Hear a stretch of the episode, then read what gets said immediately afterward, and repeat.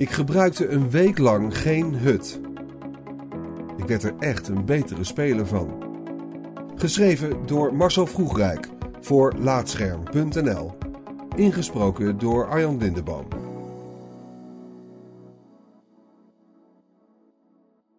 Zogenaamde heads-up displays, HUDs, zijn niet meer weg te denken uit games.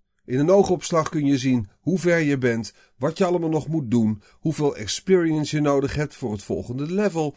Ga zo maar door. Maar word je daar wel echt wijzer of beter van? Ik besloot de nieuwe God of War bij wijze van experiment zonder HUD te spelen. Het game-equivalent van smartphoneloos door het leven gaan. Dit zijn mijn bevindingen. De wereld gaat aan ons voorbij terwijl we naar het gebroken scherm van onze nieuwste iPhone staren. Als digital natives rijden we met cruise control op de digitale snelweg, maar iedereen stevend op de afgrond af, omdat Google Maps dat nu eenmaal meermaals zegt. In God of War's belangrijkste wereld, Midgard, is dat net zo. Als je het kompas van het spel aanzet, ga je automatisch de uitgestippelde route volgen. Wijk je ervan af, dan begint het vrijwel meteen te knagen. De geïnternaliseerde navigatiestem zegt dat je zo snel mogelijk weer om moet keren.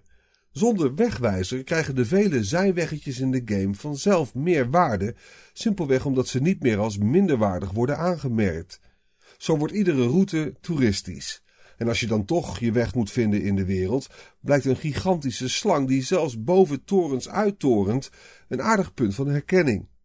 De enige informatie die de game nog geeft, krijg je wanneer de volgende stap in de main quest zich aandient. Die heet toepasselijk The Journey.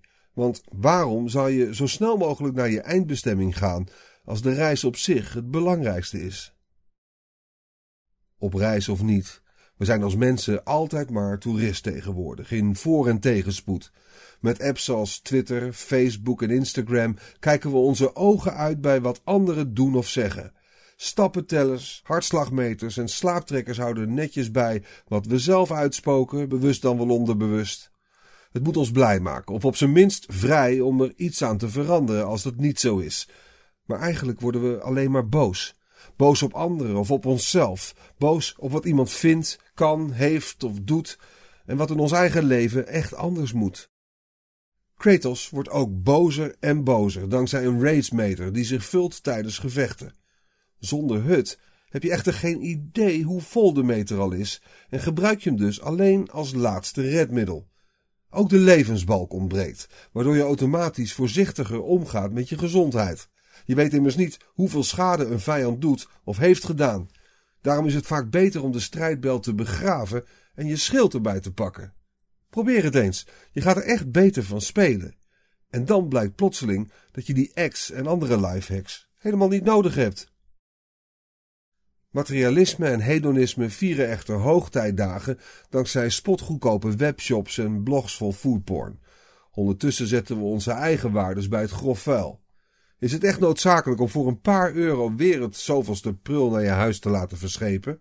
En wat heb je eraan om al op kantoor te staren naar recepten op smulweb, werkend voor een hongerloon?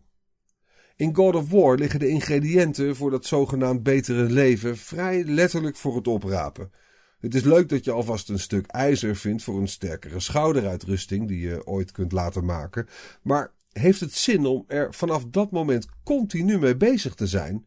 Je hart en je hoofd heb je dan al niet meer op de juiste plek zitten. De hut uitschakelen is alsof je weer naar de markt gaat om voor de hele week groente en fruit in huis te halen. Pas wanneer je een van de twee blacksmiths in het spel tegenkomt, is het moment aangebroken om te kijken wat je allemaal hebt verzameld. Tot die tijd kun je het beter oppakken en meteen weer loslaten. Het leven is meer dan een oneindig boodschappenlijstje.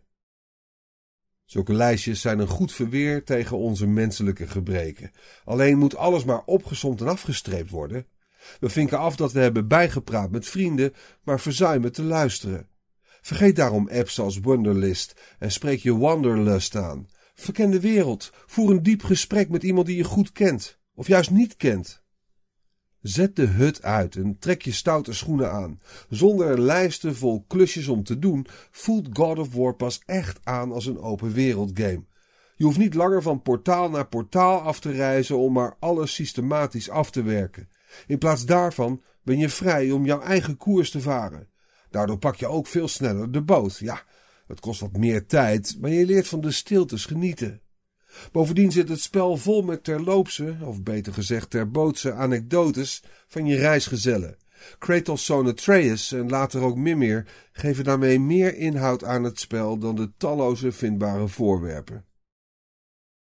Ik heb God of War pas net uit, maar ik kan nu al zeggen dat ik door de hut uit te zetten een betere speler ben geworden.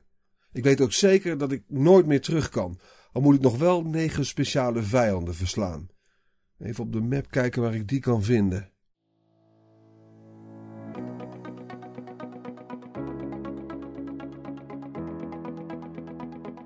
Dankjewel voor het luisteren naar deze aflevering van Laatscherm voorgelezen. Als je waardeert wat we hier doen, dan zouden we het leuk vinden als je iemand anders vertelt over laatscherm.nl of een van onze verhalen deelt op social media.